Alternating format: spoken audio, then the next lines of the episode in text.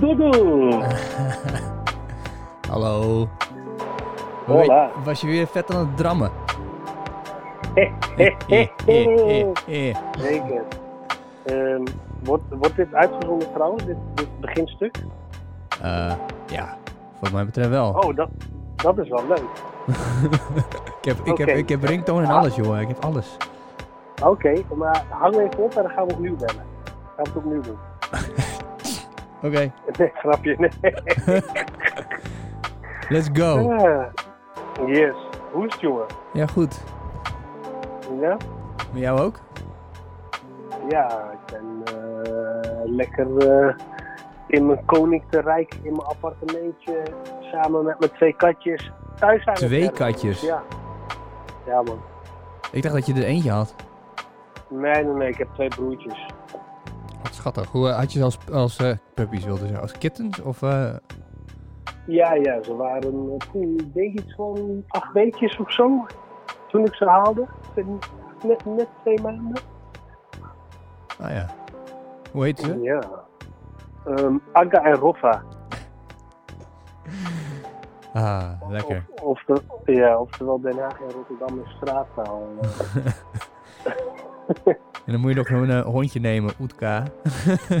ja, Oetka, ja, ja, ja, ja. En nog eentje, en Damsko. ja, mooi man. Hey, zal ik je aankondigen anders? Ja, doe eens. Want eh, mensen zitten dan straks te luisteren en denken ze, ja, wie, wie is dit? Ja, precies. Ja, en, Ja. ah, beste luisteraar, welkom bij een spiksplinter nieuwe aflevering van Beter op Papier Quarantaine Talk, deel 3 met sociaal, cultureel, psycholoog, eh, ondernemer, Arabisch-Turkse tukker, eh, een van mijn beste vrienden en eh, een van de beste sparringspartners die ik ooit in de Thaibox Dojo heb gehad. Jamil Yilmaz. Woe, dat stuk. Dus, Waar gaan we het zo over hebben? ja, weet ik niet. Waarom moest je aan mij denken? Dan beter aan jou vragen. Ja, omdat je een videoboodschap had gestuurd, hoe het ging. Ja, oké, maar ja, dat is eh, persoonlijk. Ik bedoel, dit is. Eh, ik bedoel, dan, denk, dan, dan gaat het toch bij jouw gedachtegang van: hé, ik zou eh, wel met Jamal dat gesprek willen voeren voor mijn podcast. Ja, precies. Omdat je allemaal interessante dingen doet en ik weet helemaal niet meer zo ondertussen wat je allemaal aan het doen bent. Ja, ja, ja, ja precies. En ik ging, eh, en het is best, best wel een beetje eng ook, want ik, eh, ik ging research doen en je denkt van, ja, een van Ja. je beste vrienden, even kijken, hoe is het met hem, wat doet hij eigenlijk? Ja. en, en toen stuitte ik op allemaal dingen en dacht van, jezus, ik ben, eh, ik kijk helemaal geen nieuws, ik lees helemaal geen, geen nieuws, ja, de laatste tijd met corona wel, maar ik heb op een gegeven moment na de krant was ik echt gewoon helemaal eh, nieuws klaar, zeg maar. Ik hoefde, het hoefde allemaal niet meer. Ja, dat, ik, ik snap wel dat je nieuws klaar bent met al die negativiteit. Ja, het is ook echt gewoon, eh, het is echt een één, een één stuk door, ja, nare shit, zeg maar. Eh, Herkenbaar hoor. Eh, ik moet zeggen dat ik eh, al heel lang geen televisie meer kijk. Ik lees nog nauwelijks ja, krantenartikelen. Ik bedoel, soms ontkom je, ontkom je er niet aan, maar liever negeer ik het wel, ja. Of ga ik het uit de weg, het zo zeggen. Ja, want ik, ik begon wel weer, Jenny, mijn vriendin, die zei toen van, ja, je, je moet echt wel nieuws gaan kijken, of in ieder geval het nieuws, zeg maar, een beetje op, op to, eh, up-to-date te ja. zijn, zeg maar. Ja, ik dacht van, ja, dat hoeft helemaal Maar niet. het is Maar, bij jou niet zo erg dat je dan vervolgens heel de tijd langs mensen heen loopt, toch? En niet snapt waarom ze proberen anderhalf meter van je afstand te bewaren. nee, nee, nee, nee, nee. nee. Huh? Waarom geef je geen hand? What the fuck is dit? Wat is dit voor Nederland geworden? Dit is niet de Nederland die ik me kan herinneren. Echt, hè? Ja. Oh. Nee, nee, nee, nee. Hey, en, en- en wa- wat kwam je tegen dan in jouw, eh, toen, je, toen je mij ging googelen na al die tijd? Eh, nou, ehm, een nieuwe maan over eh, top, eh, hoe heet het? Ehm, het toppunt van integratie, gemengd huwelijk. Oh gods, ja. Ja, ja, Dat is niet eens heel lang geleden, toch? Nee, klopt. Dat is, eh poeh, ik denk een maand of anderhalf geleden of zo. Ja, dat vond ik wel interessant. Dat ik dacht van, ah ja, Ja. oké, want je nuanceert het heel goed. Ja, ja, ja, ja, ja. Maar ja, hoe, hoe heette, eh, hoe heette die, de columniste die daar, na, naar aanleiding van wie dit was? Was tijdens Valentijnsdag? Eh, voor de mensen die... Ja, eh, ik ben even haar naam kwijt. Kolak? Een Turks-Nederla- een Turks-Nederlandse dame. Ik ben haar naam eerlijk gezegd kwijt. Volgens mij was Dat achternaam Kolak, dacht ik, zoiets. erg. Cola, heette ze Cola? nee, dat Kolak. ik kan het wel even opzoeken. Co- co- Coca. Coca, Cola. Coca, Coca en Cola.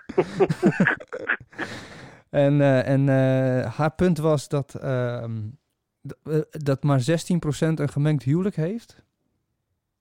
En, Ja, kijk, weet je wat het is? is van, ik word wel vaker door media gebeld en dan gaat het vaak om televisie of radio en dan of krant, weet je, geschreven media ook wel. En dan mijn standpunt rondom thema's die te maken hebben of onderwerpen die te maken hebben met de multiculturele of multireligieuze samenleving. Toch vaak veel maatschappelijke vraagstukken. Ehm, en ja, nu ging het over een columniste die zei van, je kan eigenlijk pas echt spreken van integratie, of integratie is pas echt geslaagd als mensen met elkaar gemengd trouwen. En eh, nou ja, ik, eh, ze vroegen mijn mening daarover en toen dacht ik bij mezelf van, gods, gaan we zelfs op eh Valentijn, gaan we zelfs eh, liefdeskeuzes, gaan we daar zelfs ook een integratiediscussie van maken anno 2020. Dus het is een beetje vermoeiend dat inmiddels bijna alles moet leiden tot een debat over hoe geïntegreerd je wel of niet bent. Of wat, wat een mogelijke indicator of teken van wel of niet integratie is. En ik vind dat we daar als Nederland eh, nogal in zijn eh, doorgeslagen, laat ik het zo zeggen. Maar waarom denk je dat dat zo is dan? Doorgeslagen? Eh, wa- wa- waarom die discussie wordt gevoerd? ja, waarom, waarom, waarom zijn we... Ja, precies. Waarom zijn we daarin doorgeslagen volgens jou? Ja, verschillend. Ik bedoel, eh, ehm, eh, ik zie momenteel sowieso een eh, internationale ontwikkeling waarbij cultuurnationalisme weer aan het opkomen is in heel veel landen. Waarbij het weer gaat om cultuur, nationale identiteit, normen, waarden. Wie zijn we nou? In Nederland was het al wat langer gaande. Ik bedoel, kijk, ik bedoel, ik weet niet waar je, wat je luisteraars normaal doen, maar ik ben zelf ontzettend actief natuurlijk in dat maats- maatschappelijk en eh, politiek veld. Mhm. Eh, waardoor ik dagelijks met dit soort onderwerpen te maken heb. En helemaal in die grootstedelijke verbanden dit soort discussies heel spelen, met name in de Randstad. Ehm, en wat je ziet is dat de afgelopen, nou wat zal ik zeggen, twintig jaar eh, deze discussie gewoon is aangezwengeld, eh, verhard is. En ook verder naar rechts is opgeschoven, zowel op politiek als maatschappelijk vlak, maar ook in de media. En dat heeft zeker een invloed. Ehm, en wat je ook ziet is dat er een, eh, eh, een, een, een nieuwe generatie die hier geboren en getogen is. En die zich op een hele andere manier naar hun eigen positie in de samenleving kijken. En met alle respect bijvoorbeeld voor onze ouders en grootouders. Eh, en op een hele andere manier opkomen voor hun positie en hun, eh, hoe zeg je dat? Eh, hun gelijk laten horen. En die het niet meer voldoende vinden om, nou ja, af en toe mee te praten, maar die willen meebeslissen. En eh, die, die, die zeggen van, nee, wacht eens even. Er is heel lang een norm geweest in Nederland. Maar wij zijn geboren en getogen hier.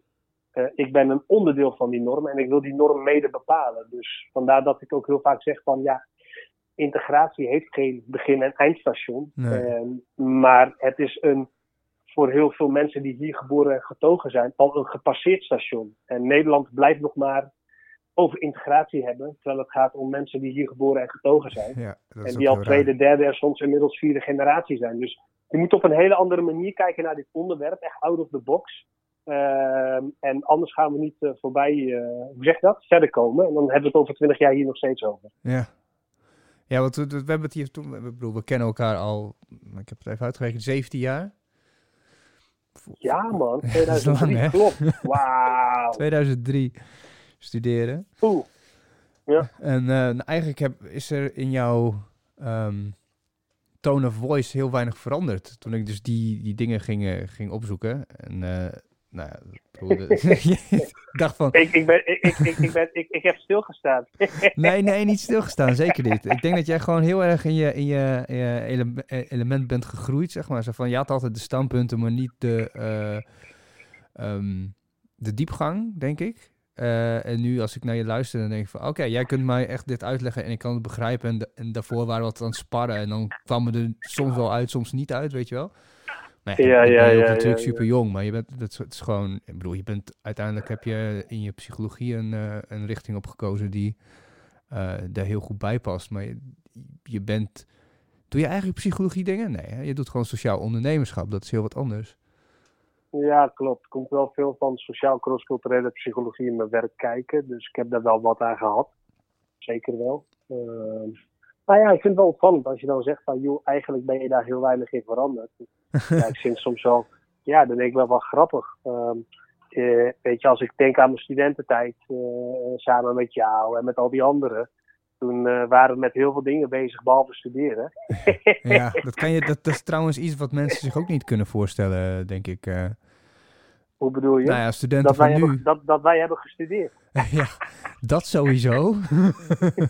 maar ook dat als, als, als, wij nu had, als wij nu hadden gestudeerd, ik weet niet of A, of we het hadden gered. En B, eh, als we het hadden gered, of we dan eh, echt, echt eh, ons zo ontwikkeld hadden als we, als we nu hebben gedaan. Nee, ik denk wel dat wij, wij, wij hebben echt in alle vrijheid en blijheid en de tijd kunnen nemen om te studeren en ons te kunnen ontwikkelen tijdens de studententijd zoals we dat zelf wilden. We hebben zoveel opgepakt. Dus daar ben ik, als ik het vergelijk met de huidige generatie, met veel strengere ja, regels, voorwaarden, et cetera. Ja, dat is echt Andere crazy. tijden, man. Ik had, eh, ik had een stagiair, en eh Floor, shout-out. En die, eh, we hadden het ergens over, ik weet niet meer precies, of uitgaan of zo. Ik zei, ja, het pakhuis is een leuke tent, weet je. Dan moet je een keertje kijken. DJ Irie, die eh, helaas niet eh, aan kon schuiven vanavond, die, eh, die draait er el- iedere keer en zei zo, pakhuis, er komen alleen maar eh 30-plussers.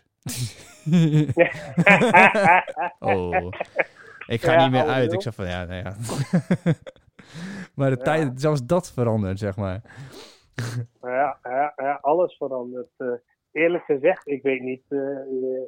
Als ik nu in Gro- Groningen zou komen, ja, weet je, ik, eh, ik heb vijf prachtige jaren gehad daar. Eh, ik heb heel veel liefde voor Groningen en Groningers, voor de stadjes, maar eh, ik eh, weet niet of ik het zal herkennen. Want dat is het Groningen uit mijn verleden. En Groningen wat het nu is, zal wel totaal anders zijn. Ik woon al twaalf jaar niet meer daar. Ja, totaal anders. Heb je het Forum al gezien? Nee, denk ik niet, hè? Nee, denk ik niet. Ah, je nee. moet even snel komen, man. Gaan we even naar het Forum. Dat is, dat is wel vet geworden. Ja, of even snel komen. na, de, na de COVID-lockdown, dan... eh, Oké, leuk. Ik ben ja, benieuwd. Want, want dat echt wel een... eh, een zo'n ja, iedereen, je kan er wat vinden, ervan vinden wat je wil, maar het is wel een heel mooi gebouw, heel goede architectuur, ziet er vet uit, weet je wel. Het is gewoon, eh, het, het- ja, heeft een hele nieuwe deel van de stad ook opengemaakt achter Vindicat en zo, wat een soort van, ja, dat was eigenlijk niet echt heel veel. Beetje, beetje Ja, hebben ze die, ja, is, is, zijn die Vindicators nou wel een keer die stad uitgejaagd of nog steeds niet? Hé, hé, hé, hé, dat is elite. we, moeten onze, we moeten onze elite even, even in stand houden hier. Nou, ja, ja, ja, Ja, ja, ik, eh, sorry, sorry. sorry. Ja, nou ja, goed. eh, het, ken je die anekdote trouwens? Dat eh, ehm, toen eh Vindicat, die kreeg een nieuw gebouw, zeg maar. Die moest dus het oude gebouw.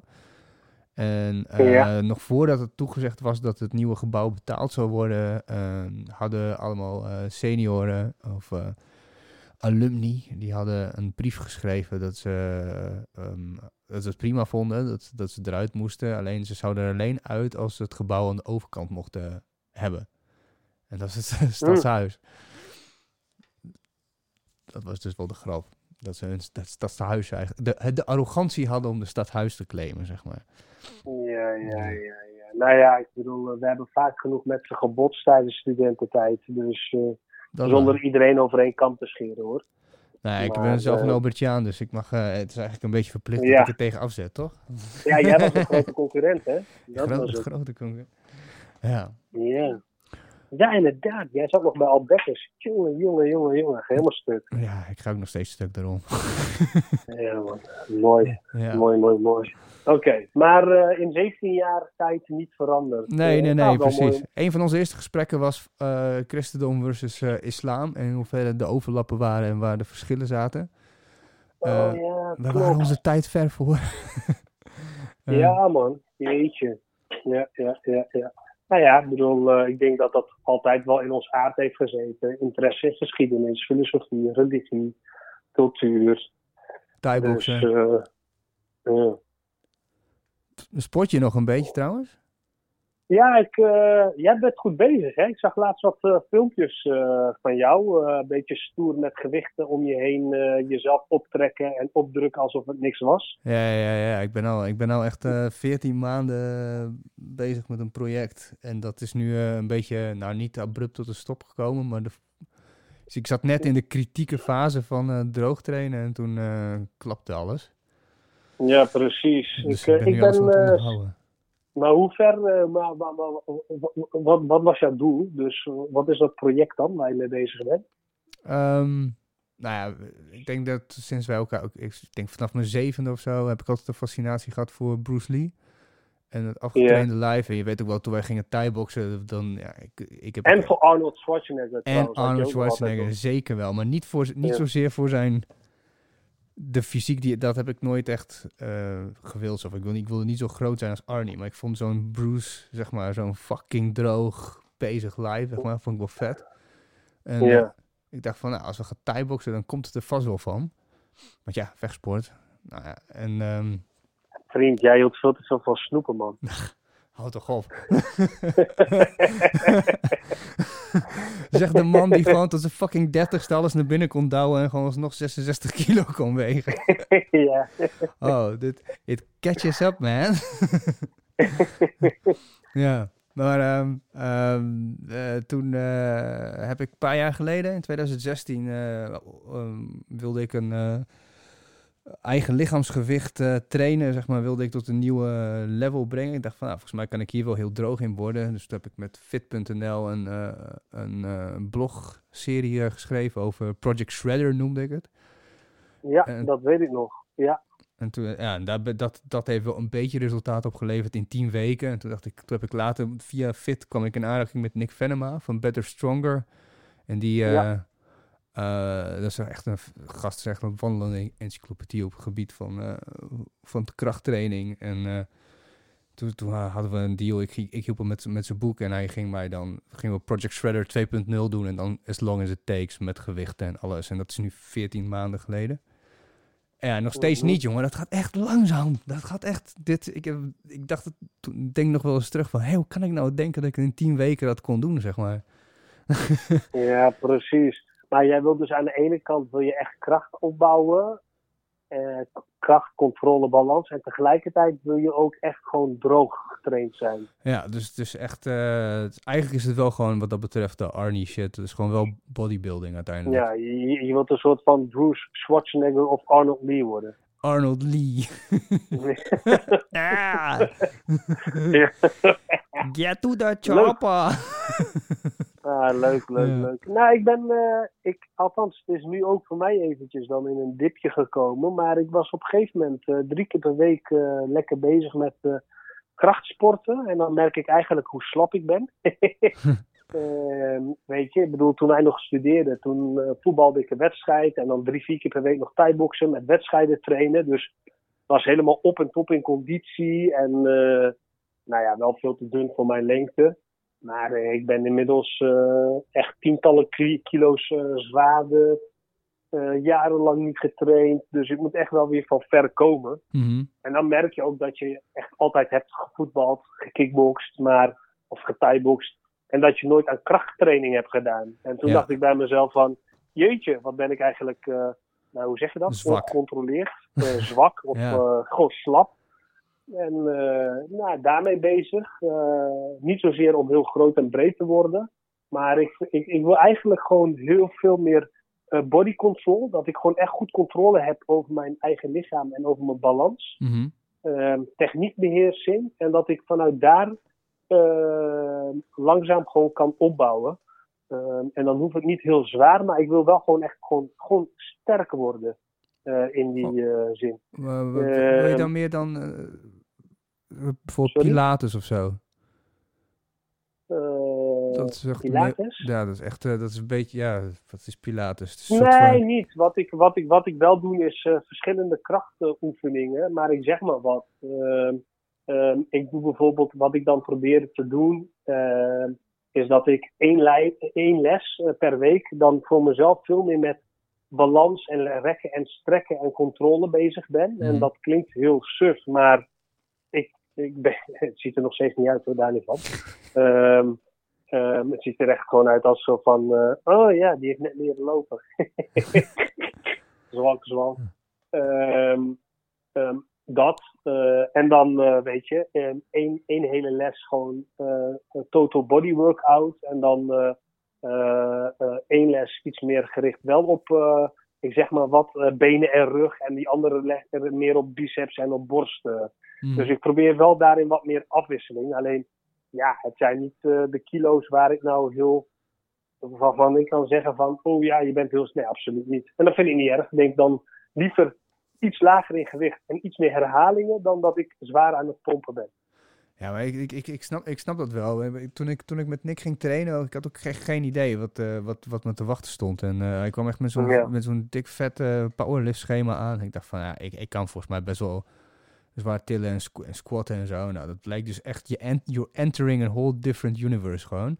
Ja, Want we zijn echt gewoon, ik bedoel nu, ik, ik, als, als ik dan denk van, nou, wat, wat waren mijn doelen van, twee, van 2020, dan was dat zo van, nou, ik wil aan het einde van het jaar wel 200 kilo kunnen tillen, zeg maar. Dat je dan, ja, ja klopt. Dat, dat, maar jij zit niet in dit universum waarin je dan naartoe traint op een, op een hele Ja, strategische precies. manier. Het is eigenlijk super haalbaar, weet je.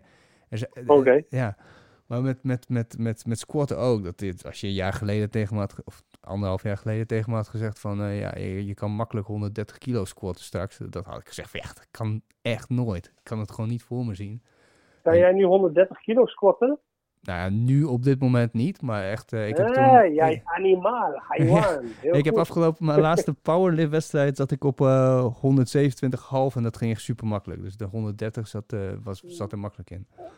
Oh, wauw. Ja. Respect, man. Ja, ik, dat merk ik wel. Ik denk wel dat ik meer structuur eh, nodig heb. Het is wat goed dat je dan heel gestructureerd en... En dat heb je altijd wel gehad. Als je wilde, je had altijd zo'n ijzeren discipline. Dat je dan 's ochtends vroeg heel ging opstaan en dan met dieet en dan... Dat doe je waarschijnlijk nog steeds. Ja, dat doe ik nog steeds, ja. Ja, dat doe ik nog steeds. Je- Jenny trekt het ook slecht. En ik, en ik ben nog steeds diegene die jij dan heel vaak gewoon aan zijn oren moest meteren en mee, meeslepen naar de gym. Ja, de avond van tevoren. Nee, jij gaat me echt meenemen naar de gym. Ik zo, ja, dat ga ik echt niet doen. Dat ga ik echt niet doen. Maar jij wilt toch niet mee? Nee, nee, je moet het echt... eh, de volgende ochtend, ga mee. Nee, nee, ik wil niet, ik wil niet. Godverdomme, ik zei het al. ja, Echt, hè? ja, dat is wel... Er, er er zit volgens mij wel een goede coach eh, bij jou in de buurt in eh, Amsterdam. Ehm, Ja, maar ik woon in Den Haag. ja, dat weet ik, dat weet ik. Maar voor mij is de Randstad eh, gewoon allemaal een klein zootje bij elkaar. Oh ja, precies. Hey, ik weet nog een goed tentje bij jou in de buurt. Waar dan? Ja, in Assen. En is dat, ja, precies. en is een oud, eh, want die, die jongen die reist ook gewoon wel naar Groningen voor zijn leerlingen. Zo'n oud eh, kampioen lichtgewicht eh, van Lozana, Jumanjo. Oh, Ja, die, die, die woont nu in Amsterdam en die geeft volgens mij wel personal training daar in de buurt. Hè. oh zo leuk. Ja. Louisiana, jeetje. Ja. Ook een tijdperk. Dat was het. Ja, dat, dat is wel echt een. eh, da- ja, nou, daar heb je elkaar echt wel goed leren kennen. Ook gewoon door en door en door. Niet alleen wij, maar ook gewoon andere mensen, zeg maar. Ja, ik denk dat dat wordt echt wordt onderschat in, eh, in bepaalde sporten. Kijk, elke sport heeft een andere inzicht of eh, talent voor nodig. Maar ik denk dat er weinig sporten zoals het thai-boksen of het kickboksen is, waarbij je letterlijk en figuurlijk jezelf echt leert kennen. De goede kanten, maar ook de minder goede kanten van, van jezelf. Eh. En eh, ja, ik weet niet. Ik, dat mis ik nog wel eens. Gewoon die ijzeren discipline en gewoon die, hoe zeg je dat? Uh, drive? ja, niet alleen die drive, maar gewoon cut the crap. Like, je komt binnen en je bent niks. Ja. en je gaat nu gewoon van A tot Z, 2,5 uur lang in bijna 40 graden, helemaal kapot, helemaal dood. En je wordt elke keer weer opnieuw geboren en je leert nieuwe grenzen verleggen. Ja. En uh, het is gewoon keihard werken, bloed, zweet en tranen. Tot, tot dat ene moment van die wedstrijd. En dan moet je er gewoon staan. Uh, fysiek, mentaal, spiritueel, geestelijk, alles gewoon moet kloppen. En ja, ik weet niet. Achteraf gezien kan ik de schoonheid veel meer daarvan inzien van die periode dan toen ik erin zat. Ja, ik, toen zat ik heel vaak.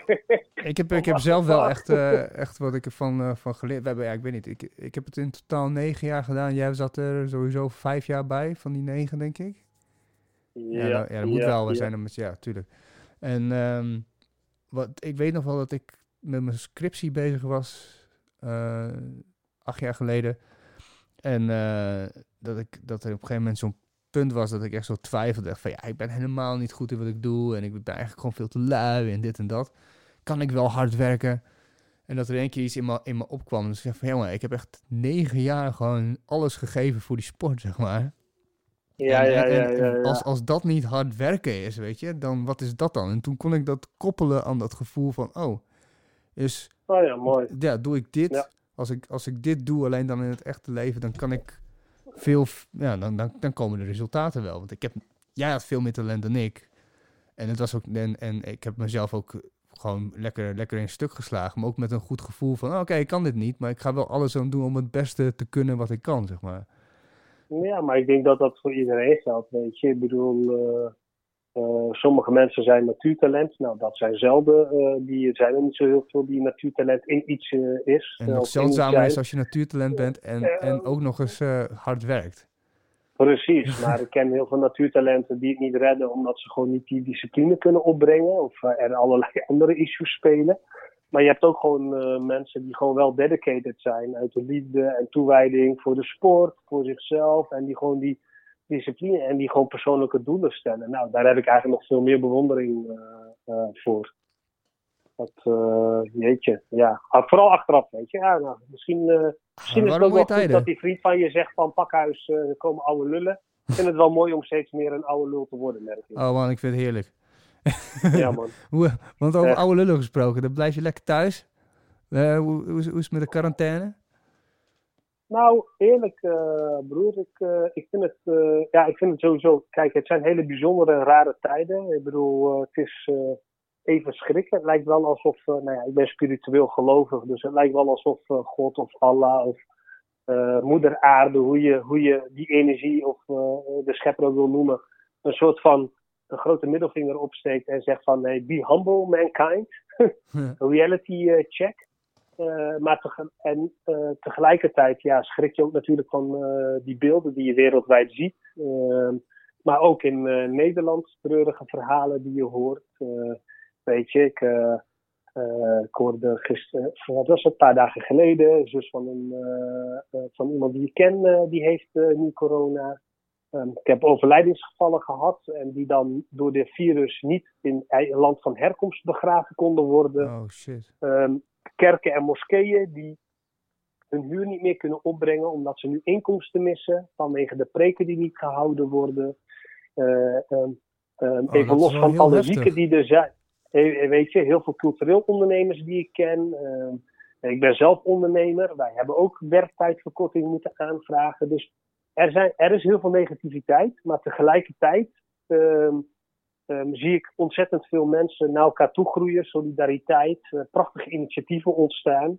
En ook voor mezelf eventjes, het is een keer fijn om niet de hele dag door maar onderweg te zijn en te moeten rennen van de ene naar de andere afspraak. Ehm, het is heel druk, Eh, ik heb het druk genoeg, daar gaat het niet om. Ehm, misschien nu wel nog drukker dan eerst, maar ik vind het wel fijn om even een periode vanuit één plek te kunnen werken, want dat heb ik echt in, jeetje, eh, poef, ik kan me niet eens meer herinneren waar ik dat voor het laatst heb gedaan. Ja, jij was nog, eh, nog erger dan ik inderdaad, want ik heb geen rijbewijs. Dus dan... eh, dus jij, jij, Ja, jij woonde klopt. half in je auto volgens mij. ja, meer in mijn auto. Maar mijn huis is de afgelopen, denk ik, tien jaar meer een, uh, een, een, een, een, een hotel voor mij geweest dan echt een huis. Ik bedoel, soms ben je gewoon in vier, vijf gemeenten op één dag. Dat is gewoon uh, niet gezond. Uh, ja, in het begin heel leuk, maar op een gegeven moment merk je wel van hoe. dit is een tempo wat niet goed voor je is. Dus ergens stiekem ook wel een welkom. ja, ja. Daarom. Dus ik, ik kan ook wel, ook hier van ondanks de ellende, kan ik deze situatie ook wel waarderen. En klinkt raar. Ik bedoel, jij zei al toch van, hé, hey, waarom, waarom ging je mij nou vragen voor een podcast? Jij zei ja, vanwege je videoboodschap. ja, ik heb, weet je, ik spreek mijn ouders, of zie mijn ouders door videobellen regelmatiger, mijn zussen ook. een goede vrienden van nu, maar ook uit het verleden die ik weer eventjes. En dan Weet je, uh, Chris bijvoorbeeld, uh, Alexi weer gesproken, Alexi. Uh, Mark, Rob, nou, noem maar op. En dat is best wel leuk. En dat, dat, dat brengt deze tijd ook wel weer met zich mee. Ja, ja dat is ja, ik heb uh, Alexi laatst ook gesproken over de app. Maar ik, ik, Alexi is een deel van mijn leven, dat weet je toch? Die heeft gewoon zo'n. Uh, dat is. Uh, die, ja, ik weet niet. ik denk dat iedereen een, een Alexi in zijn leven nodig heeft. Dat is zeg maar de persoon waar je altijd WhatsApp-berichten van hebt. En als je ze openmaakt, dan zijn het gewoon doorgestuurde crap van het internet. Ja. van, hoe, hoeveel. of, of dan heb je dan zes vrouwen op een rij en wie heeft er een piemel? En dan moet je, weet je, ja. dat soort...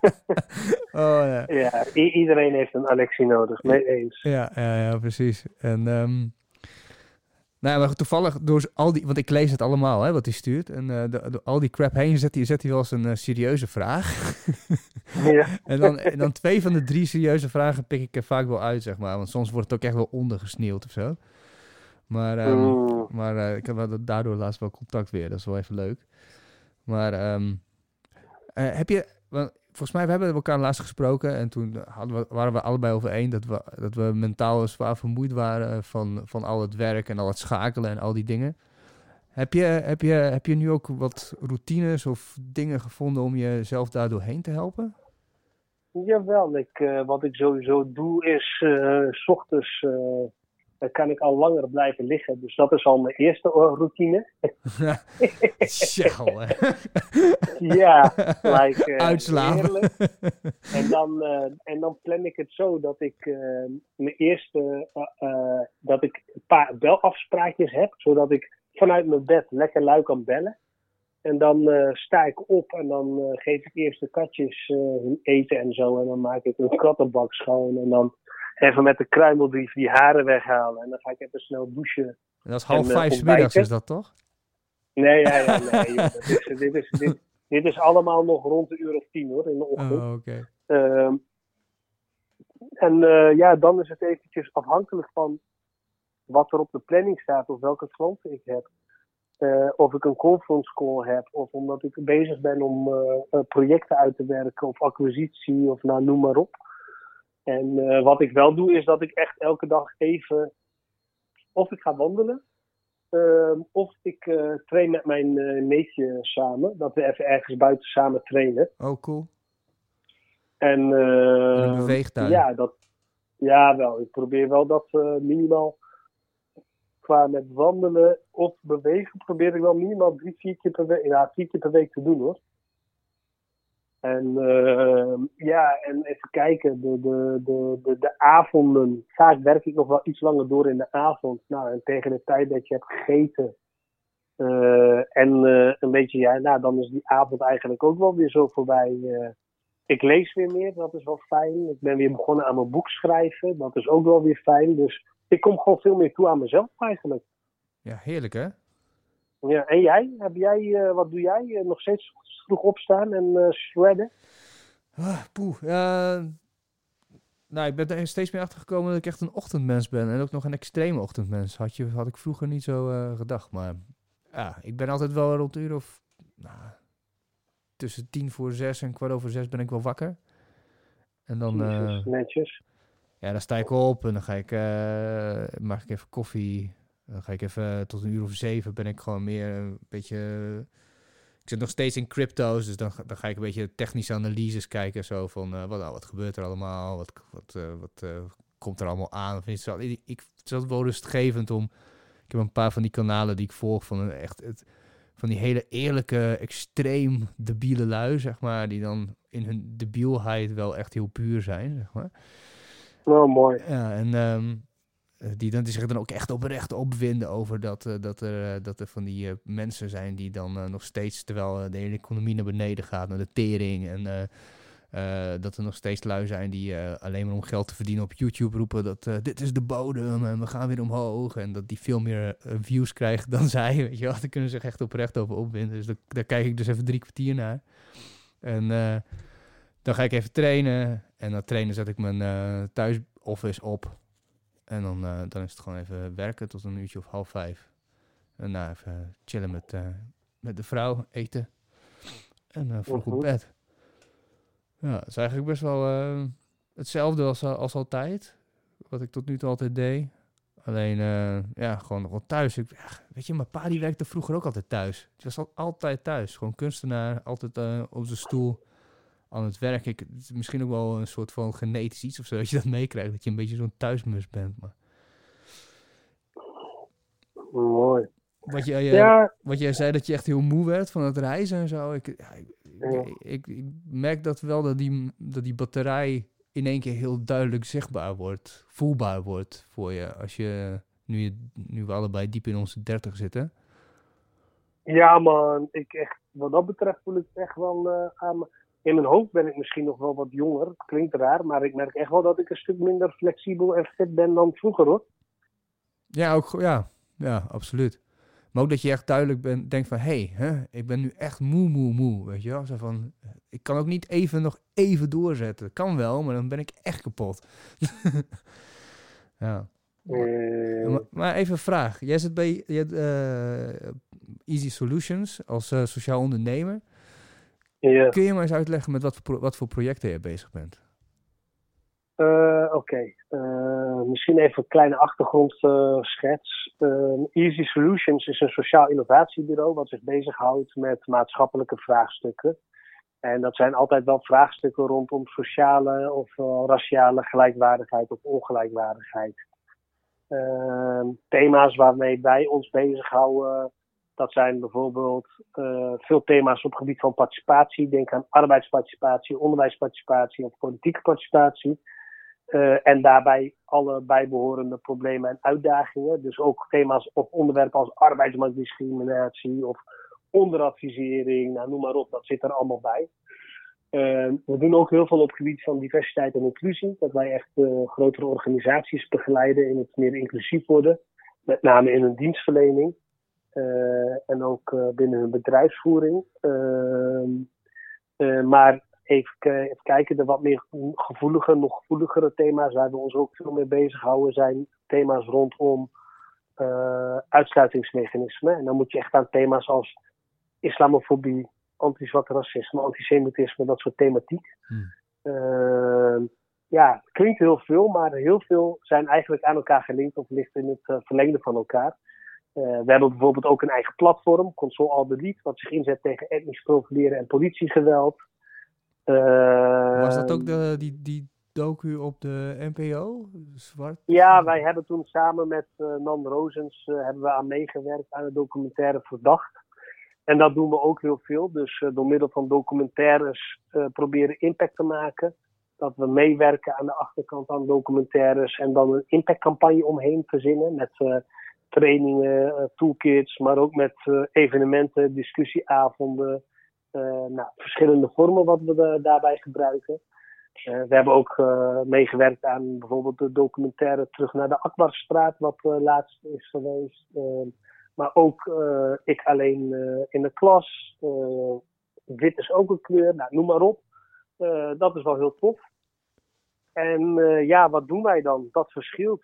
Uh, wij werken met, heel veel met burgers samen. Uh, bijvoorbeeld bepaalde groepen met een grote afstand tot de arbeidsmarkt, die we naar werkschool of ondernemerschap begeleiden. we zijn onderdeel van curriculum op scholen. We geven echt les van MBO tot en met WO. Ehm, wij trainen zelforganisaties van cultureel-etnische, maar ook religieuze minderheidsgroepen. En tegelijkertijd zit er ook een andere kant, namelijk uh, dat is toch dat sociaal ondernemerschap en het activistische, wat we ook wel een beetje in ons hebben. is dat we het systeem willen veranderen. Dus wij trainen heel veel professionals vanuit gemeenten, onderwijsinstellingen, politie, nou, noem maar op. Maar we geven ook echt beleidsadvies, starten projecten. Ehm, ehm, ehm, hoe heet dat? sparren heel veel op de inhoud met verschillende politieke partijen.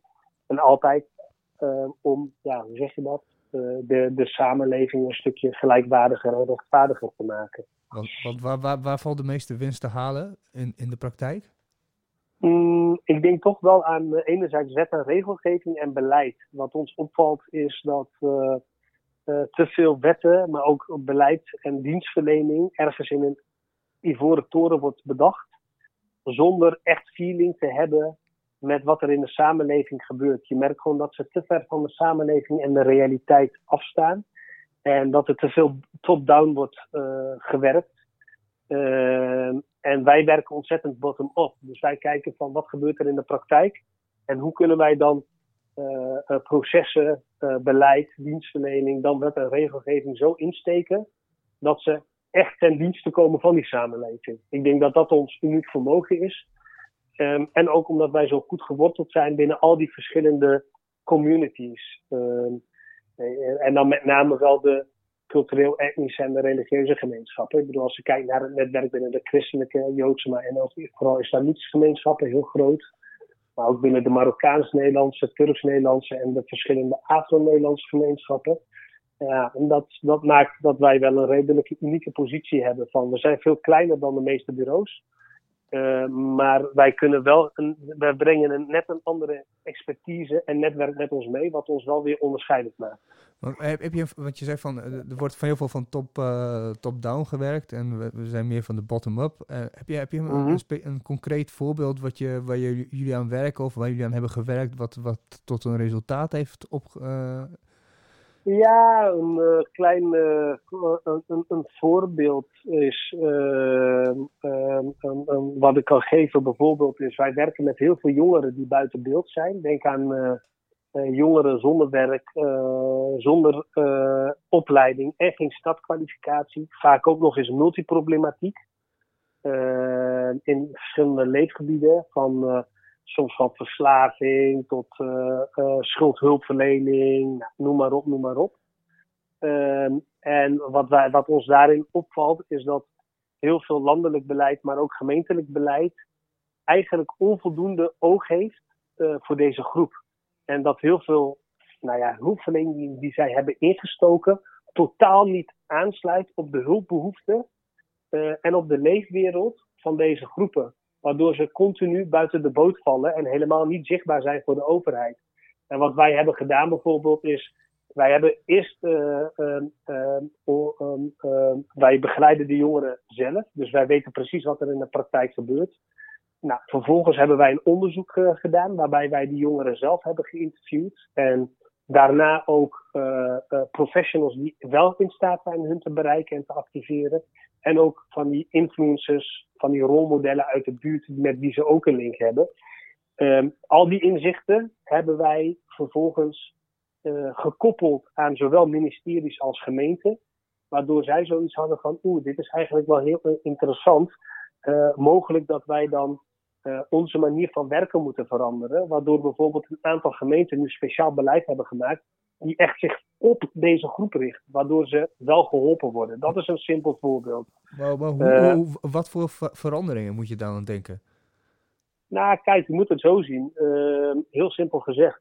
op het moment dat er nu een burger bij een loket komt. omdat hij hulp nodig heeft. Dan komt hij in zo'n gestandaardiseerd proces. Vaak moet je je dan eerst digitaal aanmelden. Uh, en dan moet je door allerlei stappen heen. Of je gaat naar uh, het loket toe uh, bij de gemeente. En dan moet je allerlei dingen hebben. En dan moet je een, iets aanleveren. En dan moet je een bepaalde periode wachten. Nou, A, dat digitale werkt voor heel veel mensen sowieso niet. Omdat uh, bijvoorbeeld alleen al in Den Haag volgens mij zo'n 20% van de mensen laaggeletterd zijn. Uh, voor helemaal voor de oudere generatie helpt het al helemaal niet, omdat die uh, digitaal minder vaardig uh, zijn. Nou, voor deze jongeren buiten beeld, stel dat ze bij het loket komen, vaak hebben ze ontzettend veel problemen en hebben ze acuut hulp nodig.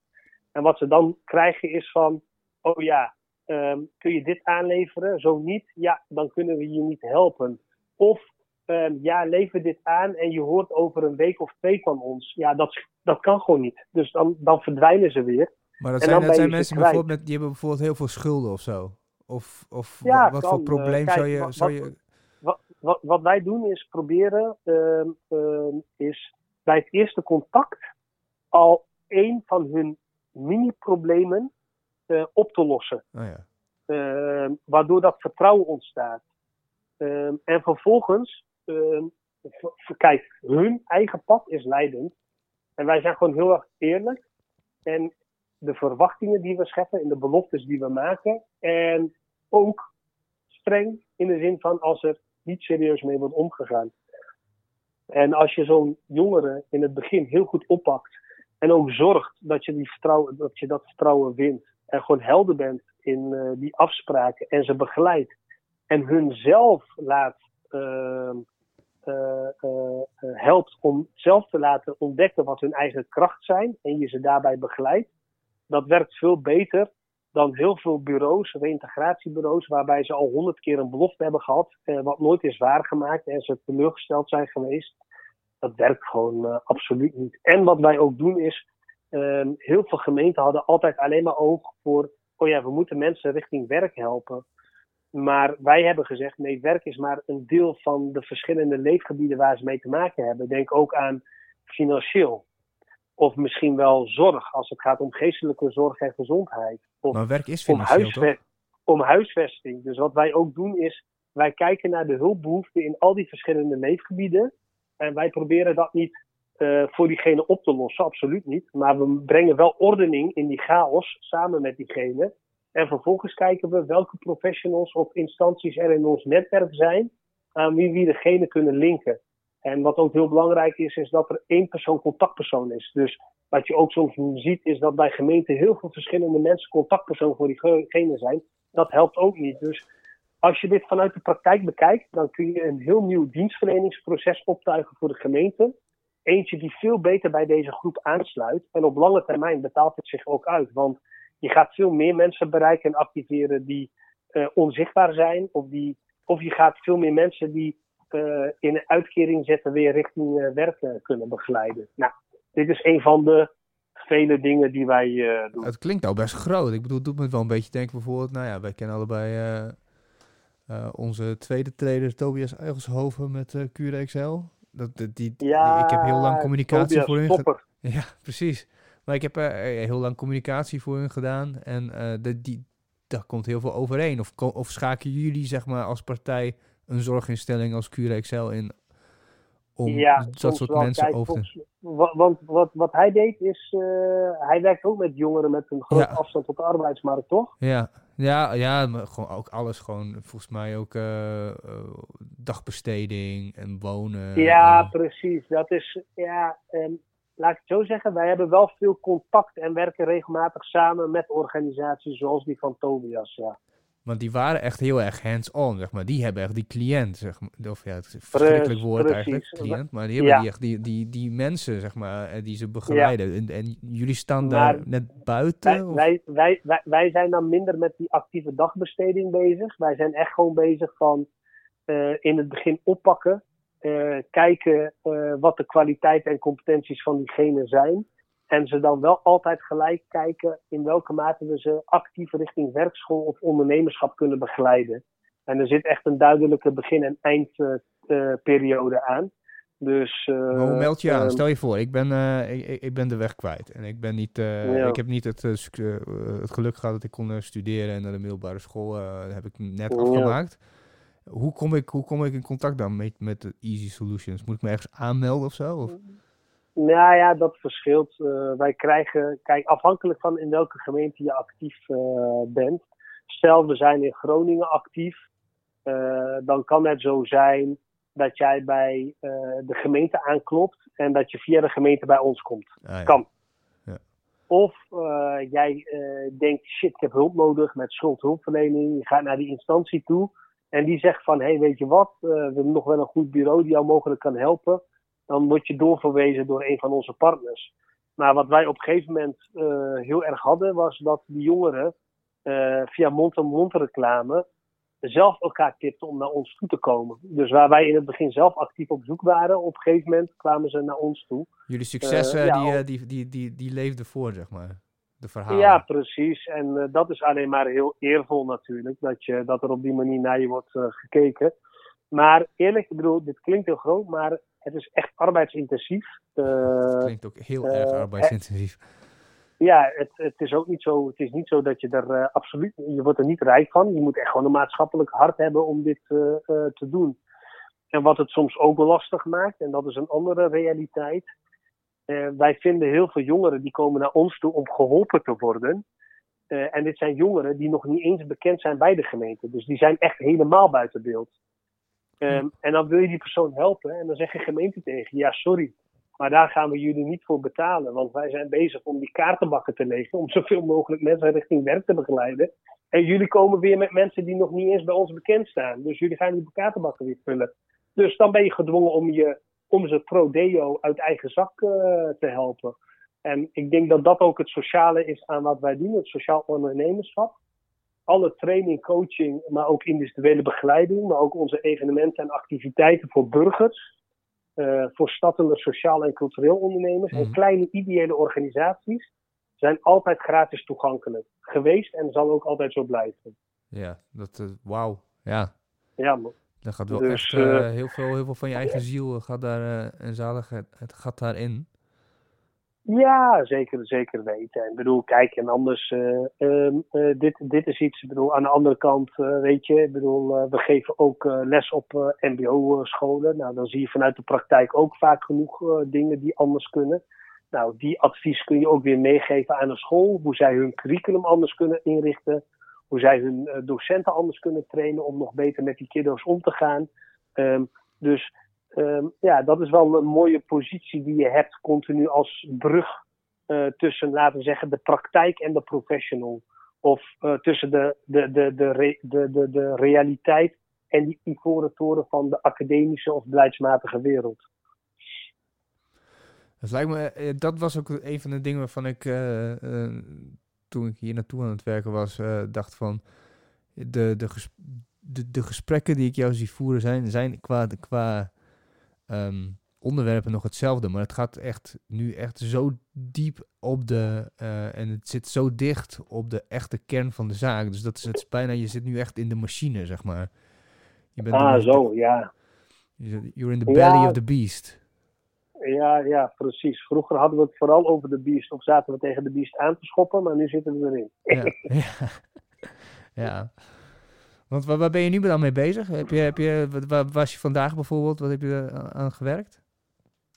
Uh, nou, ik was vandaag met. Uh, ja, dit, dit, klinkt heel uh, stom, maar wij, we moeten dus heel veel van onze trainingen nu online gaan geven. En nu zitten wij met een uitdaging, omdat ehm, eigenlijk Zoom als platform of app de meest praktische is om dat te doen. Ja. Um, maar heel veel opdrachtgevers, en met name vanuit de publieke overheid, niet met Zoom werken of willen werken of daarvan afstappen. Omdat die servers in de Verenigde Staten staan. En als de FBI een beroep op ze doet, ze hun informatie moeten afstaan. Dus, ah, en jullie werken met gevoelige informatie, vooral ook over. Ja, sowieso. Ik bedoel, uh, dus wat wij dan. Ik ben nu vooral bezig geweest vandaag met alternatieven zoeken uh, om online trainingen te kunnen verzorgen.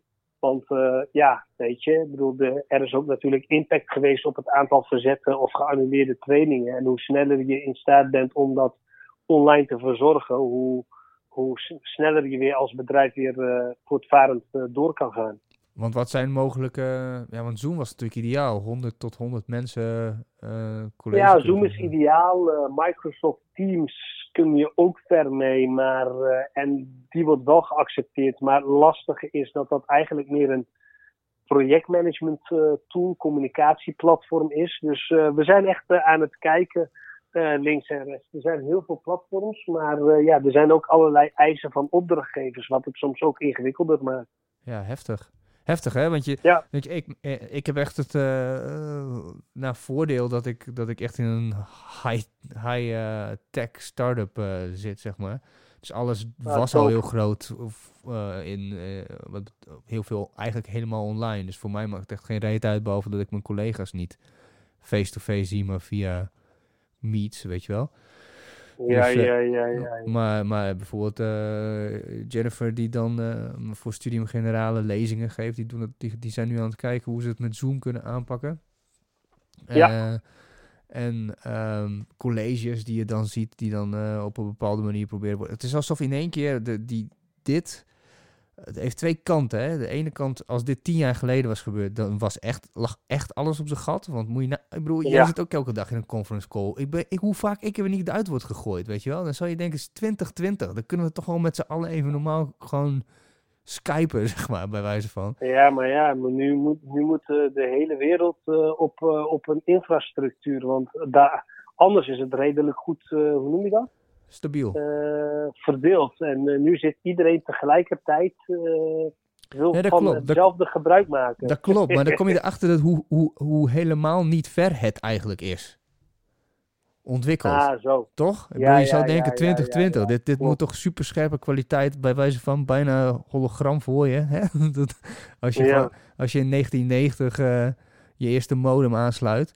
Of ja, wel later. Maar, maar goed, dan, dan kom je erachter dat het helemaal niet zo ver ontwikkeld is. En dus dat tien jaar geleden was, was, het was echt alles op zijn gat gegaan. Aan de andere kant zie je ook dat iedereen nu echt, omdat het wel redelijk toch nog wel stabiel is. En het kan wel eh, voor een groot deel, hoe crappy dan ook, dat er nu in één keer Ja. een soort van pressure cooker is van nou, bepaalde organisatiestructuren helemaal op Slack overgaan en dan weer eh, via Meets of via Zoom. En dat vind ik dan wel heel bijzonder, want het is een soort van die digitale revolutie, die wordt nu echt, echt op, de, op de proef gesteld. En ik denk dat er echt bijzonder eh, vette shit uit gaat komen als het dit nog langer aanhoudt, wa- waar het wel op lijkt te gaan, zeg maar. Ja, dat eh, snap ik eh, zeer zeker. Ja, ik ben het met je eens. Dus, maar zijn nou, zijn nou dat Slack een goede alternatief voor Zoom is? Nee, nee, nee, gewoon werken met Slack, zeg maar. Dat je gewoon Oh, als, als zo, bedrijf Ja, ja, ja. Dan in één keer allemaal projecten dingen gaat op, oppakken. Zo van, oké, laten we dan op deze manier communiceren. Ja, denk, ik denk niet dat Slack stabiel genoeg is om eh 30 man eh, les te geven of eh, training. Weet ik niet. Zou je kunnen proberen. Ja, dat is een goeie. Goeie. Nou ja, weet je, dus ik, ik, ik snap goed wat je, wat je bedoelt. Waar ik mij vooral zorgen om maak is van... Nou, hoe zit het met al die mensen die niet, laten we zeggen, van het digitale afhankelijk zijn? En voor wie eigenlijk nog in het tien jaar geleden eh, leven. Ik bedoel, ehm, ik ging laatst zo'n Pokéball eh, halen. Ja, ik las het, ik las het op Facebook volgens mij Ja. gepost. Ik vond het Ja, echt wel was- schrijnend inderdaad. Ja, leg maar even uit. Vertel maar. Vertel het verhaal maar. Ja, ja maar van, dat was heel raar. Dus kijk, China was natuurlijk half december al opgeschrikt met de eerste gevallen van die eh, eh, corona gebeuren. En toen waren er al wat afleveringen natuurlijk over de manier waarop er met Chinezen of met Aziaten nu naar gekeken werd en gehandeld werd eh, in Nederland. En we hebben ook een paar van die afleveringen gehad. Dat was in die weken daarna. Maar eerlijk, ik had er onvoldoende stil, stil bij gestaan. Tot een paar weken geleden, toen het, laten we zeggen, echt een beetje begon, nog, nog heftiger werd. Ik dacht, ik ga even wat eh, eten halen. En je hebt hier in Den Haag, waar ik woon, heb je gewoon Chinatown. Dan heb je best wel veel van die Aziatische eetentjes, toko's, doe maar op. Dus ik loop eentje binnen. Ik denk van, ik ga zo'n Pokéball. Ik heb wel zin, even lekker gezond doen. Dus ik kom binnen en ik zie ze zo letterlijk schrikken. Ik denk van, hè? Maar achteraf gezien schrokken ze van het feit dat er een klant naar binnen kwam. En ik ging met ze praten en toen dacht ik echt van, jeetje, wat heftig. En eh, wij worden nu ergens in maart, werden we hiermee opgeschrikt. Voor die mensen speelde het al bijna 1, 2, 3 maanden. Hij zei van, als het zo doorgaat, ben ik volgende maand failliet. Want eh, sinds het begin van die uitbraak, ja, niemand kwam meer naar hun eten toe. Niemand bestelde meer wat. En toen dacht ik bij mezelf van, ja man. Dat is ook een is soort van racisme is het dan ook, toch? Ja, ja, natuurlijk. Ja, ik, ik, eh, ja, ja. Ja, eigenlijk wel. Zo van, hmm, er, speelt, er is een of ander virus in China. hey, die lui Ja. zijn, eh, hebben spleetogen. maar nou kijk, ja, en- en dat is ook- zijn waarschijnlijk Koreanen niet of zo, weet je wel. het- het- nou, kijk, weet je wat het eh, moeilijke hiervan is? Het, het is niet zo van, ehm hey, jij bent Chinees, dus jij gaat zo. Nee, niet. Maar je merkt wel hoe onbewust die associaties werken. Ehm, er is een, eh, een geval in China. Ik ga wat bestellen. Oeh, dat ziet er Aziatisch uit. Oh ja, dat lijkt allemaal op elkaar. Ik ga het toch niet meer doen. Ja, stel je Ja, voor. als je het hebt over stereotypering, vooroordelen, eh, discriminatie of racisme, ja, dat zit er eh, allemaal eh, eh, doorheen. Maar zo werkt de menselijke psyche wel. En dat is gewoon het meest heftige. En eh, nou, zij waren de vooroplopers. En eh, toen werd ineens iedereen wakker. Eh horeca onder... Ja, ik moet nog wel wennen dat iedereen wc-papier koopt. Dat ja, ik nog is ook steeds een- niet. echt, echt. Ja, ik, ik, ik las dat laatst. First dat world troubles, in, man. In, Italië gingen mensen massaal pasta kopen. In Ja, dat Indonesië rijst en noedels. Eh, in Nederland wc-papier en wiet. En in, Ja. in Amerika kogels. Ja, maar in Amerika ook, eh, ook wc-papier en kogels, dus ja, klopt. Ja. En kogels, ja. Want was het nou precies. 300 miljoen mensen met 340 miljoen wapens die, dan, die, die, die daar zijn, sowieso, waarvan men weet, geregistreerd? Nou, er kan, Ja, maar, één, er kan, maar, één, er kan maar één eh, ding gebeuren. Amerika is nu zo hard getroffen ook. Ja, als daar een, een, een, een burgeroorlog uitbreekt, dan sta ik daar echt niet van te kijken, zeg maar. Ja, nou ja. Ik, eh, ik denk dat ze nog eh, aan de vooravond staan. Het gaat nu heel hard, maar eh, ik denk dat als eh, de overheid daar nog langer wacht met eh, goede maatregelen nemen, dat dat gaat zich op een lelijke manier tegen hen gaat keren. Maar het is wel, dat is wel grappig, door die eh, crypto dingen die ik dan kijk, zit zo, dan, dan, zo'n gast die legt dan uit, zo van ja, er, is, er wordt nu gewoon dus geld bijgeprint. Waardoor ze dus daarom verwachten dat, alle, dat de dollar naar beneden gaat. Die is al naar beneden gegaan. En dat alle ehm, eh, store values, zeg maar, zoals zilver, goud, nou ja, dus ook bitcoin dan, hè. Dan, dan, dat daar meer, dat daar dan omhoog, omhoog gaat. Omdat op het moment dat je meer bij, bij gaat printen, wordt het natuurlijk minder waard. Mhm. En dat Amerika ook heeft gezegd van ja, we gaan het net zo lang doen tot de economie weer opge, opgeklommen is. Dat is toch, dan denk je van oké jongens, wat de fuck is dit nou weer? Hoe ga je, hoe ga je dit nou? Oh, oh er is niks, eh, we hebben niks, dus we printen het bij, dus gewoon allemaal sch- schone schijn. Vervolgens eh, kopen die bedrijven die dat geld krijgen, die kopen dus gewoon hun eigen aandelen weer op en die, eh, en die betalen zichzelf weer bonus uit. En is dat geld gewoon weer weg. die, die wordt dan echt niet zeg maar normaal in de economie gedaan. Ah, ja, ja. dat is echt, jongen, dat je denkt van wanneer knapt die ballon dan? Weet je, dat, gaat, dat staat echt te gebeuren. Maar ja, goed, ik, eh, zoals ik al zei, ik kijk Nou niet ja, genoeg ik denk, eh, ik, ik, ik denk, kijk, weet je, ik bedoel, we zijn geneigd naar andere landen te kijken, maar ik denk, kijk naar Nederland. Ehm, de manier waarop hier gecommuniceerd wordt, even, ehm, is heel raar. De afwegingen lijken hier meer sociaal-economisch van aard, als je het vergelijkt met heel veel zuidelijke landen. Ik bedoel, dat is ook een cultureel iets. Maar je merkt ook dat de overheid moeite heeft met eh, eh, het culturele aspect van dat, dat de Nederlanders echt gewoon niks met autoriteit hebben. Ja. Dus elke keer communiceren ze iets en dan vervolgens merken ze een reactie vanuit eh, de, de bevolking. En dan gaan ze het vaag afzwakken en dan zwakt het alle kanten op. Ehm, tot nu toe is iedereen, blijft iedereen rustig, maar dat valt omdat het nog allemaal relatief mee lijkt te vallen. Ik vraag me af, wat zou er gebeuren in Nederland als deze situatie, en we hebben morgen natuurlijk, nou ja, dit, ik weet niet wanneer je dit gaat eh, uit gaan zenden, maar morgen wordt duidelijk hoe langer de maatregelen doorgaan. Ik verwacht in ieder geval tot en met heel april. Ehm, Ja, ik denk misschien wel tot eind nog, mei eh, misschien tot- ook wel, hè? ja, misschien, wat stel dat dit tot en met juni eh, doorgaat en dat het toch iets strenger wordt. By the way, het is vandaag Ja. 30 maart, hè? Dus dan, dan even voor de, voor de anchor. Ja, precies. Ik bedoel, eh, stel dat je nog twee, drie maanden zo moet. Nou, dat betekent dat heel veel mensen de kop, eh, kopje ondergaan. eh, Ja, vooral ondernemers, horeca. Ehm, en wat gaat er gebeuren als je als in Italië te weinig IC-bedden, dat er ineens keuzes moeten worden gemaakt? Ja, ik kan jou niet behandelen, want je bent 80 plus. Ja. Ja, dit zijn hele andere confrontaties met kwetsbaarheid en menselijkheid. En ik denk dat dan het hier ook een stuk dichterbij gaat komen. Ik hoop natuurlijk van niet, hè, begrijp me Nee, nee, ik ook niet, Maar eh, Nee, Eh, we- het zijn het is- het- inderdaad hele bijzondere tijden waarin we leven. Absoluut. En het enge is, weet je, eh, nu bijvoorbeeld kinderen, die, die, die, de, kans dat een kind het, eh, echt ziek wordt, misschien wel drager is, maar dat hij echt ziek wordt, is, is kleiner. Eh, en toen ik dat hoorde, ging er nog heel een soort van uit automatisme, een soort van gedachtegang door mijn hoofd heen van, oh, ik kan het niet krijgen. En toen dacht ik van, nee, ik ben fucking 35, tuurlijk kan ik het wel krijgen, weet je wel.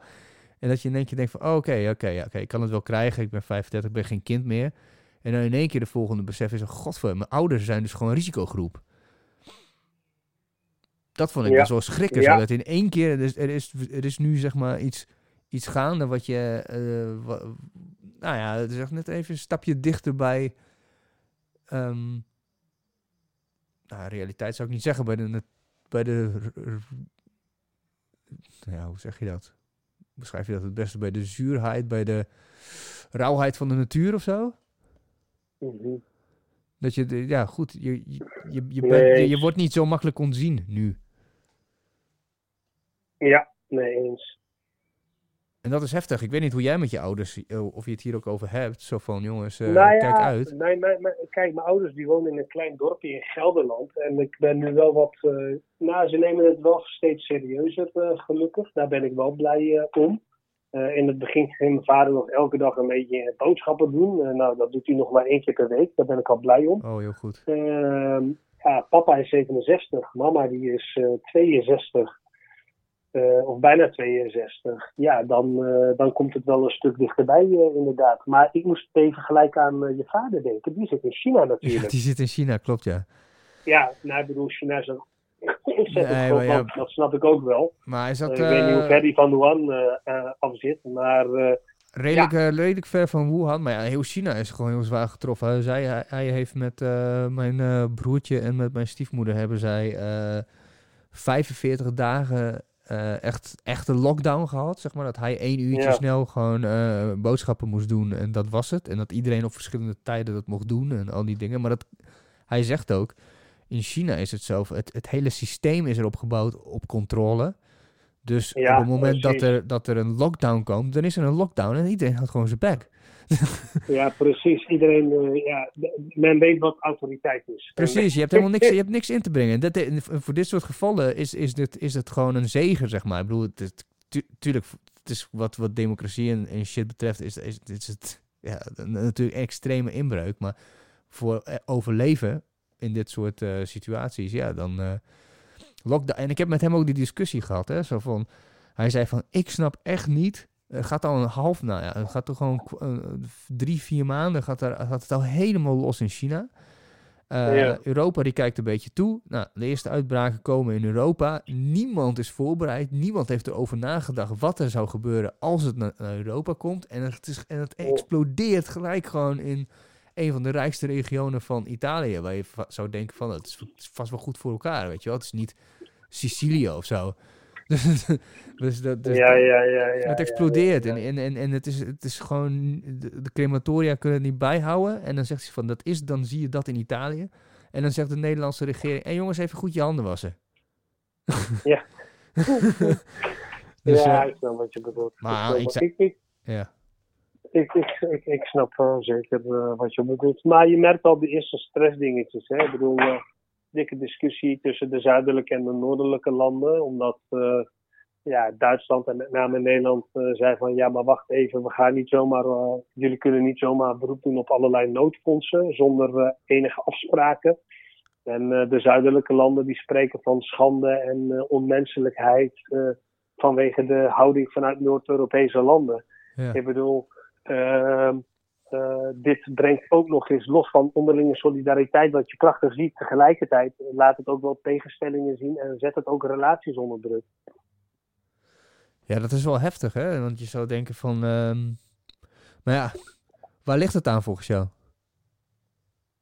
Uh, nou ja, met de historie. Ik bedoel, uh, even vanuit Nederlands perspectief. Nederland heeft ontzettend veel, heeft, al, is altijd de braafste jongen van de klas geweest met betrekking tot zo'n beetje van financieel huishouden. Uh, samen met de Duitsers, altijd netjes uh, bijdragen geleverd. Wanneer er extra moest betalen van, nou, jullie moeten een uh, paar miljard extra, nou, dan doen we dat. Ehm, en daarbij de ergernis met de, financiële crisis. al die zuidelijke landen moeten helpen. Die hun huishouden nooit op, financieel huishouden nooit op orde hadden. Ehm, en je merkt nu natuurlijk ook dat we in andere tijden leven. Namelijk de druk vanuit een aantal partijen op de Europese Unie, de kritiek op de Europese Unie. Dus dat systeem wat is opgebouwd is helemaal niet zo perfect of foutloos als wat mensen dachten. Uh, het staat te ver van de burgers af, het is te bureaucratisch. De EU bedoel je? De, nee, de Europese Unie aan zich. het, is, het is niet transparant. er wordt ontzettend veel geld ingepompt. wat er met dat geld gebeurt, weet niemand. er wordt ontzettend veel besloten over wat een impact heeft op de individuele levens van heel veel Europeanen. Maar, ze, maar, er zijn geen directe verkiezingen, dus ze hebben daar heel weinig zeggenschap over. Er is heel veel kritiek vanuit een aantal partijen op de Europese Unie. Uh, en men ziet ook de populariteit van die partijen. Dus de Nederlandse regering kan ook niet meer zo makkelijk ehm, zeggen van ja, we gaan overal mee akkoord wat men vroeger misschien iets makkelijker, makkelijker deed. Dus er zitten ook grenzen aan solidariteit, wat je merkt. Ehm, en tegelijkertijd vanuit de andere kant, uh, ja, uh, heel simpel. Uh, de, de, de, de, de, de crematoria lopen over. het is een epidemie. De ene, hoe heet dat? De ene dag is nog erger dan de andere. Je hebt no hulp nodig van je Europese broeders en zusters. En je vraagt hulp. En de andere zegt van ja, maar wacht eens eventjes. Heb je het bonnetje nog? Voor, voordat, voordat ik je kom helpen, wil ik wel even dat je dit uh, contract uh, even goed uh, doorleest en tekent. En, In zes fout? Ja, nee, ja, nou weet je, dus de andere kant is de reactie ook natuurlijk goed te, goed, te begrijpen. Ja, ja, ik vind, ik, ik, het is, wij, wij komen er denk ik fingers crossed, afkloppen, inshallah, hoe je het maar wil zeggen. Zeg maar. Wij komen denk ik wel goed vanaf. Als, uh, als uh, nou ja, jij en ik. en uh, in Nederland denk ik ook wel. Um, maar het is toch heel apart om dan in een soort van... Als je dan een ommetje gaat maken en je ziet dan bijvoorbeeld posters als anderhalve meter afstand houden, ook in, in, in, in supermarkten en zo. Dan heb, heb, mhm. ik gewoon te veel zombiefilms gezien om dan dat je zeg maar, stel het breekt wel door en, en, en, en 80% van de wereldbevolking gaat eraan. Dat je, mhm. dat je dan in van die winkels komt waar helemaal doorgroeid zijn met van die klimmops en zo. En dat je nog steeds die poster zo ziet van half, half, meter afstand. Dat is echt fucking creepy. Dat je dat krijg, krijg je dan een beetje zo door mijn hoofd. Zo van oh shit. Dit is, uh, dit is dichter bij, bij die fictie dan, uh, dan ooit. De apocalypse. Ja, ja, ja. Ik, uh, de, the Walking Dead. Ja, dat hoeft niet eens. Ja, hoeft niet per se zombies te zijn, natuurlijk. Zou dat wel veel vetter maken. Maar, maar uh, um, het, is, het is wel zo van. Er, er, is, er is blijkbaar iets wat, wat ons echt gewoon binnen no time helemaal uit kan roeien. En we kunnen er helemaal geen reet aan doen, zeg maar. Ja. Want, ja, want ja. je hoort soms dan, denk je van ja, weet ik veel, een aardbeving en... Uh, nou ja, zelfs, zelfs een, aardbeving in Turkije of zo is al, klinkt al heel ver voor mij, zeg maar. Snap je? Ja, maar het is op zich, kijk, het is mens eigen, hè, dat uh, men pas echt, echt, echt getriggerd raakt of in actie komt. Uh, uh, de mate waarmee mensen zich meer kunnen identificeren met een bepaalde gebeurtenis. Dat er genetisch of cultureel steeds meer overeenkomsten zijn. Je bent sneller geneigd om je vader, je moeder, je broer, je zus of je kind te helpen dan uh, de buurman. Nou, dat zit er gewoon uh, ingebakken. Je bent sneller geneigd om de buurman te helpen dan, uh, ik zeg maar wat, iemand van de straat verderop. Je bent sneller geneigd iemand uit je eigen wijk te helpen. Weet je, eventjes heel ja, gechargeerd. Ja, ja. Dit geldt natuurlijk niet voor iedereen. Ja, ik bedoel, kijk, we moeten ook niet stilstaan. We zijn ook maar mens, uh, wat dat betreft. Alleen, dit is wel voor het eerst dat op zo'n grote schaal iedereen tegelijkertijd met het soort gelijke wordt geconfronteerd. Ja, en uh, dan word je wel in je menselijkheid uitgedaagd. En wat je dan ziet is van, we dachten zo wijs te zijn en alles te beheersen. Maar dan zie je wat zo'n ziekte, hoe ontwrichtend dat voor eh, het systeem kan zijn die we met z'n allen hebben opgebouwd of waar we in ieder geval eh, eh, in leven. Ja, ja absoluut. Want weet je, die, die, die dinosaurussen die zagen die komeet ook niet aankomen, zeg maar. nou ja, precies, En- precies. Nou ja, ik probeer bewust een beetje van de doemscenario's, van die doemscenario's weg te blijven. Ja, Maar nee, dat komt omdat ik de afgelopen twee weken dood ben gegooid met. eh, eh, het is het 5G-netwerk, het is Illuminati, Oh, het zijn God. de aliens, eh, het, is, het zijn de Amerikanen geweest, het waren de Russen. eh, hoe heet Terwijl, dat? terwijl je hoeft maar te is, zeg maar. Of het, je, is, het is het eind der tijden. als, je, als, je, eh, als je in, als je in november vorig jaar pandemie of pandemic had, had gegoogeld, dan was je bij een, bij een hoogstwaarschijnlijk bij een TED-talk van eh, Bill Gates uitgekomen. Die Ja, of weet ik veel, of destijds bij die SARS eh, gebeuren, toch? Wat was het ook alweer, SARS? Ja, SARS, ja. Dit, dit is ook een vorm van SARS uiteindelijk. Ja, ja, maar maar, Bill, Bill Gates die zegt zo van, joh, die, die, die waarschuwt ook zo van, je heeft het dan over ebola, zeg maar. Maar hij zegt van, als er iets is wat ons allemaal naar de tering gaat helpen, dan is het een virus. En het is niet ebola, want die verspreidt zich niet zo snel. Maar, maar niemand is klaar voor een pandemie, weet je wel? Nee, precies. Dus er zijn... Hey, wat, maar, ja? oh, sorry dat ik je onderbreek, hè? wat ik me ineens zo afvroeg. Ehm, ehm, ik zit me dan echt af te vragen, eh, mensen gaan dit dan luisteren. eh, en ja, jeetje, wat gaan die denken? Ja. Die zitten dan zo, zo anderhalf uur naar zo'n gelul van ons te luisteren. En dan denk ik is wel nou, grappig. Ehm, dat is best wel een vreemd, vreemd concept. Ik luister ook veel podcasts, hoor, daar niet van. Mhm. Maar eh, Maar ik vind, het altijd, ik, al- ik vind het altijd mooi een podcast dat je zeg maar gewoon lui niet kent.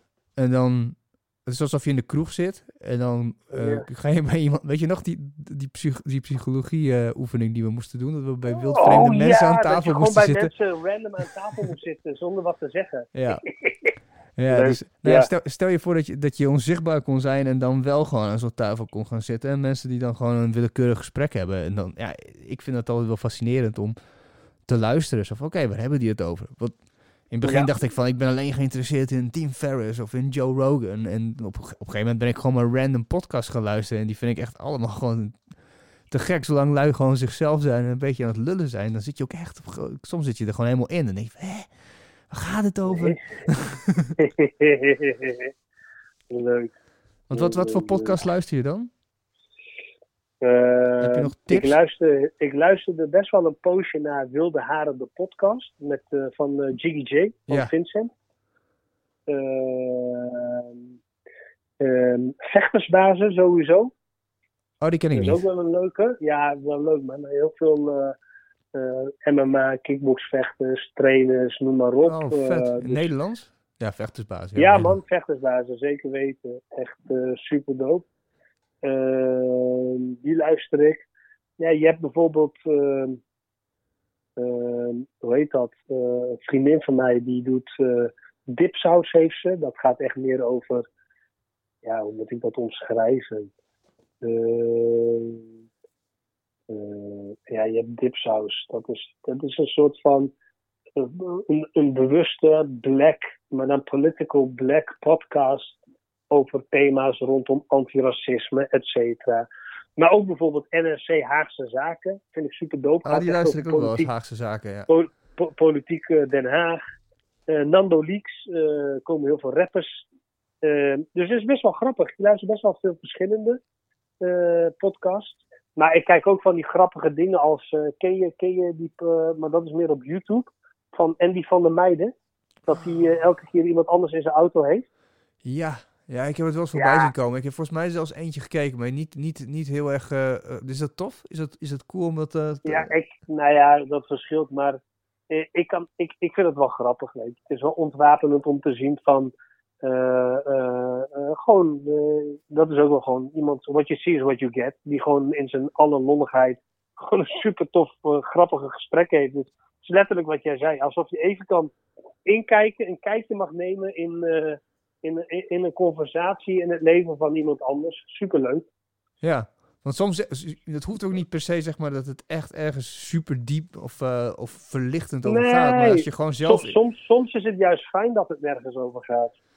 Soms dan, als je gewoon met die gedachtegang mee kan gaan, dat je denkt van, hé, hey, meer, ik, meer, dit had zo'n vriend van mij kunnen zijn, zeg maar.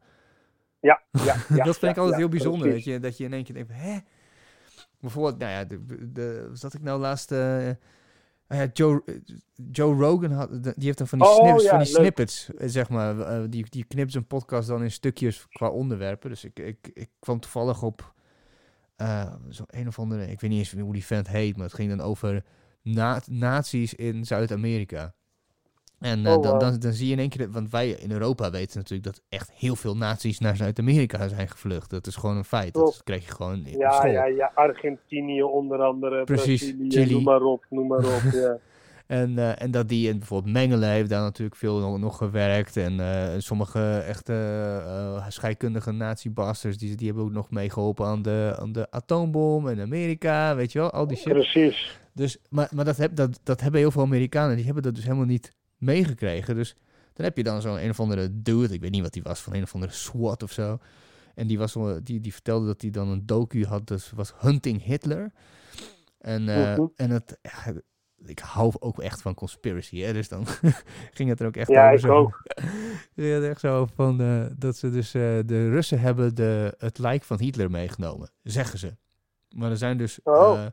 er zijn dus tests gedaan uh, op die van, met die schedel, DNA-test. En het is een vrouw, die schedel. Dus of ze hebben per ongeluk Eva Brown meegenomen. Maar e, de familie van Eva Brown, die ze met super veel moeite hebben gevonden. Die, uh, die, die hebben gezegd van wij willen hier echt niet aan meewerken. We, we, hebben, we hebben zoveel moeite gedaan om, om gewoon... Uh, om ons hiervan te distancieren, ja, komen jullie weer. Ja, fuckers, kut Amerikanen of zouten, weet je wel. Ja, ja, ja. En, ja. Uh, dus die, die kunnen ze, dat kunnen ze niet, niet verifiëren, zeg maar. Maar het is ook niet Hitler. Dus de kans is waarschijnlijk heel groot dat, dat of er was een stand-in, of hij is gewoon iets. Hij is gewoon gevlucht. Natuurlijk is hij gevlucht, zeg maar. Dus dat hij ergens of nog leeft, wat onwaarschijnlijk is. Maar, maar wel uh, dingen heeft opgezet in Argentinië of Chili. En dan, dat vertelt die man dan zo. En dan zegt die Joe Rogan zo van... Ja, maar hoeveel, waar hebben we het dan over? Waar hebben we het in uh, Argentinië dan over? Dan zegt hij, nou, er zijn bepaalde plekken in de bergen als je daar komt. En je, eh, eh, of, of bepaalde wijken in Buenos Aires. Dus, er wordt gewoon geen Spaans gesproken. Het is gewoon allemaal Duits. Duits-Duits. Als je ja, in iemands huis komt, in iemands huis, dan is alles heel Europees. En dan komt hij met zo'n kistje aan met de medailles van zijn opa. En, en dat zijn allemaal van die SS-medailles. en dan... Uh, ja, dat is, uh, dat, is, dat is daar. En dan is Joe Rogan van, hey, maar hoeveel mensen hebben we dan over? Hij zei, nou, ik denk dat er nu wel misschien 100, 200.000 Duitse nakomelingen zitten. Wat? Wat? Uh, mind blown, weet je wel. Mind blown. En je denkt van, joh, jullie, jullie, jullie hebben nog, uh, fucking die oorlog afgesloten. Hoezo weet je dit niet, weet je? ja, ja, ja, ja, ja, ja, ja. ja, ja. ja, ja. Wauw. Ja, ik had, uh, de Safe Space is ook een leuke. Van uh, twee Groningers. Uh, Laura Harbers en Abel... Nog wat. Ik weet niet meer hoe die heet. Maar die hebben, die hebben juist zo één tweetje, zeg maar. Die hebben geen gasten, maar die praten gewoon met z'n twee over onderwerpen. Zoals ja. kantoor, kantoorfrustraties. En dan kun je van tevoren kun je dan voiceberichten insturen. Dat is ook wel geinig. Gewoon naar een WhatsApp-nummer. En dan die draaien ze mhm. dan af of dan bellen ze je tijdens de uitzending of zo. Dat vind ik ook wel geinig. Wordt er ook veel meer radio oh, van. Ja, dat is, dat is op zich ook wel een leuk eh, concept. En dan kun je zelf kiezen of je überhaupt een keer iemand uitnodigt die avond mee. Ja, ja, precies. Leuk. Wanneer, uh, even, even als afsluiten. We zitten al anderhalf uur te lullen. Uh, wat gaan we doen als jij in Groningen komt? Wat gaan we doen als ik in Groningen kom? Een eierbal eten. ja, weet je. Uh, dit is voor luisteraars van boven de 18, toch? Nee, uh, ja, ja, sowieso. ja, boven de 18, sowieso. Uh, je eetje. Nou, ga je sowieso weer even een goede knuffel geven en even lekker eten. Weet je wat ik wel tof zou vinden? Om perenboom ook weer te zien. Oh, perenboom. Shout-out, ja, de statistic statistic. ja, echt. Die, die, eh, die zit in, uh, op 20 minuten van Heerenveen af. In een of ah, ander dorpje. Dus, uh, Dus dat. Ik vind het ook fijn. Ik, ik, sowieso, Aleid wil ik ook wel weer een keer zien. Jeetje, die heb ik ook lang niet gezien, Alexi, man. Ja, dat, ja, ik ook Dus- niet. Ik ook niet. Filmpje pakken met Alexi in 2023. Ja. Pannenkoek. Pannenkoek. Ja, ja, ja, ja. Nee, eh, nee man, ik weet niet. Ik eh, moet zeggen dat de laatste keer toen ik eh, daar was, was vorig jaar of nee, ja, niet afgelopen kerst, maar die kerst daarvoor. Met toch? toen? Zoiets. Eh, was al fijn om überhaupt even weer samen te zijn om herinneringen op eh, te halen. Dus eh, dat sowieso. En eh, ja, en misschien, misschien een keer een, eh, samen een, eh, een ayahuasca-reis maken. Oh. Oké, dat, dat, is, dat is wel een goeie, ja. In Groningen Ja. of ergens anders? Ja, nee, ja, nee, dat moet wel onder begeleiding en zo, maar... eh, nee joh, ik doe het wel. Nee. ik heb mijn eigen recept. Echt, hè? Dus nee, maar komt, komt, komt goed. Ons kennende gaan wij onze dagen en uren heel goed vullen. Dat denk ik ook. hey, het was echt eh, een eer en een waar genoegen. Heel veel love. Thanks. Ah, thanks broer. Thanks, thanks. Heel veel liefde eh, voor jou. En eh, groetjes ook aan vrouw Liep natuurlijk. Jan, Zou ik doen, zou ik doen. Jij ook aan de family. En heb jij een vrouw ga lief? ik doen. Nee, heb ik niet. Ah ja, dus niet, niet, niet, niet groetjes daaraan dan. Nee, Groetjes aan je nou, katjes. Wat was het, Roffa en Hoetka? Nee? Aga en Roffa. Aga en Roffa. Ja, die, eh, die zal ik wel heel veel liefst doen. is Is, goed bro. is goed en keep in touch. Is goed. Love Yo, you. Love you too. Doei doei.